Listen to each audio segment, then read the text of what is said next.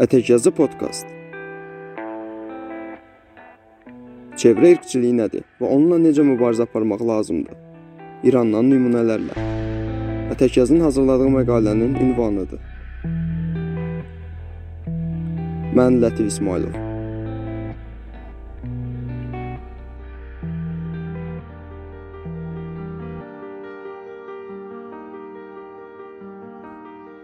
Son zamanlar İranda su problemi özünü daha qabarıq şəkildə göstərir. Etirazlar baş verir. Həbs olunanlar və ölənlər olur.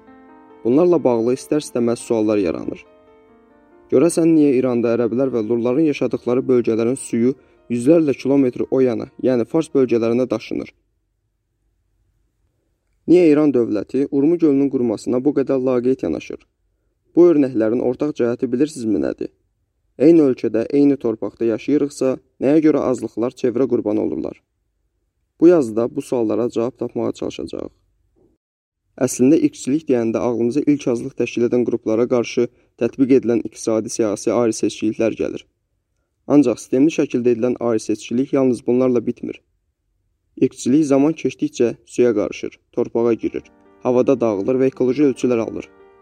Bu isə çevrə irqçiliyi deməkdir.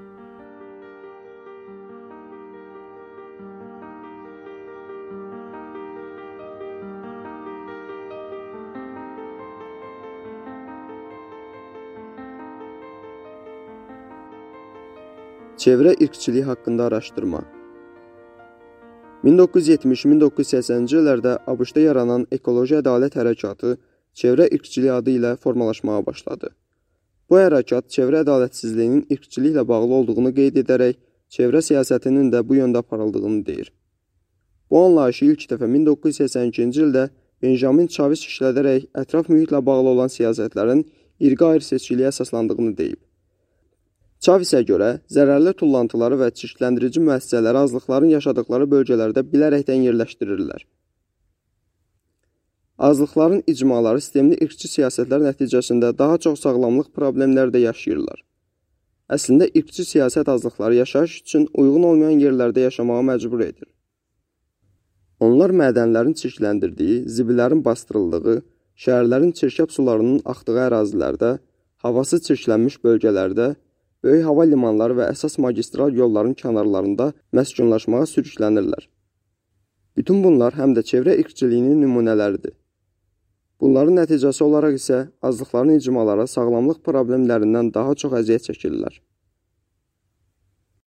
Bundan başqa çevrə irqçiliyi başqa formalarda da ola bilər. Məsələn, azlıqların yaşadıkları bölgələrdə təhlükəsizlik qaydalarına uyğun olmayan iş şəraitinin olması, iş yerlərində sağlamlıq qaydalarına riayət olunmaması, mazut və ya kömürlə işləyən elektrik stansiyalarının yaxınlığında yaşamaq. Bu isə o deməkdir ki, bölgələrdə yaşayan insanlar çirklənmiş hava ilə nəfəs alırlar. Quyudan çıxarılan sulardan içib, istilik problemi olan binalarda təhsil alırlar.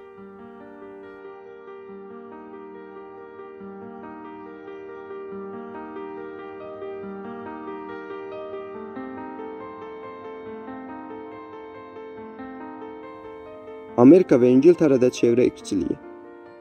Doğrudur, bu kimi problemlərlə bütün aşağı gəlirli insanlar üzləşirlər. Lakin çox vaxt torpağa çirklənmiş, havası zəhərlənmiş bölgələrdə azlıqlar yaşayırlar. Çevrə ədalətin atası ləqəbini almış akademik doktor Robert Bullardın 2007-ci ildə apardığı böyük bir araşdırmaya əsasən deyə bilərik ki, bir ölkənin təhlükəli ticari obyektlərinin yerini proqnozlaşdırmaqda irq sosial-iqtisadi statusdan daha vacib rol oynayır.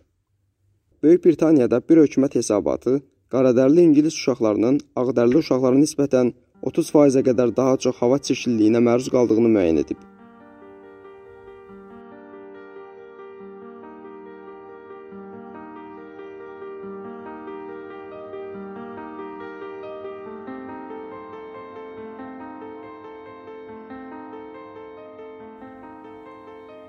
İranda çevrə irqçiliyi İranda da çevrə irqçiliyi özünü qabarıq şəkildə göstərir.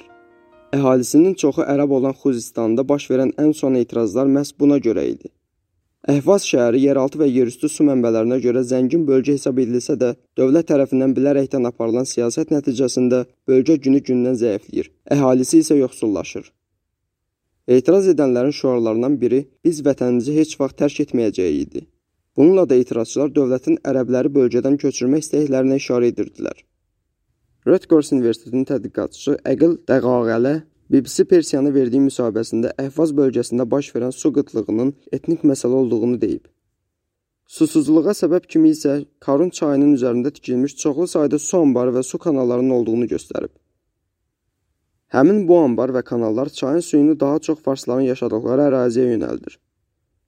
Burada isə onlar daha çox su sərf edərək yetişən düyü əkirlər. Suyun ərəblər yaşayan bölgədən farslar yaşayan bölgəyə yönləndirilməsi və israf edilməsi çevrə irqçiliyinin bir nümunəsidir. Azərbaycanlı fəallar da Urmu gölünün qurumağının qarşısının alınmasında dövlət orqanlarının yetəri qədər çalışmadıqlarını deyirlər. London İmperial Kollecinin müəllimi Kavə Mədəni Urmu gölünün böhranının əsas səbəbinin quraqlıq yox, düzgün olmayan idarəçilik olduğunu deyib. Bu isə Azərbaycanlıların dövlətə güvənini azaldır. 2011-ci ildə Təbriz və Urmu şəhərlərindəki etirazlar əslində dövlətin Azərbaycandakı çevrə siyasətinə etiraz idi. Traktor klubu azərkeşlərinin səsləndirdiyi Urmu gölü can verir, məclis onun qətlinə fərman verir. Şüarı isə Azərbaycan türklərinin məsələni milli ayrı-seçkilik olaraq dəyərləndirdiklərini bildirir. Covid dövründə də çevrə irqçiliyinin nümunələrinə rast gəlmək mümkündür.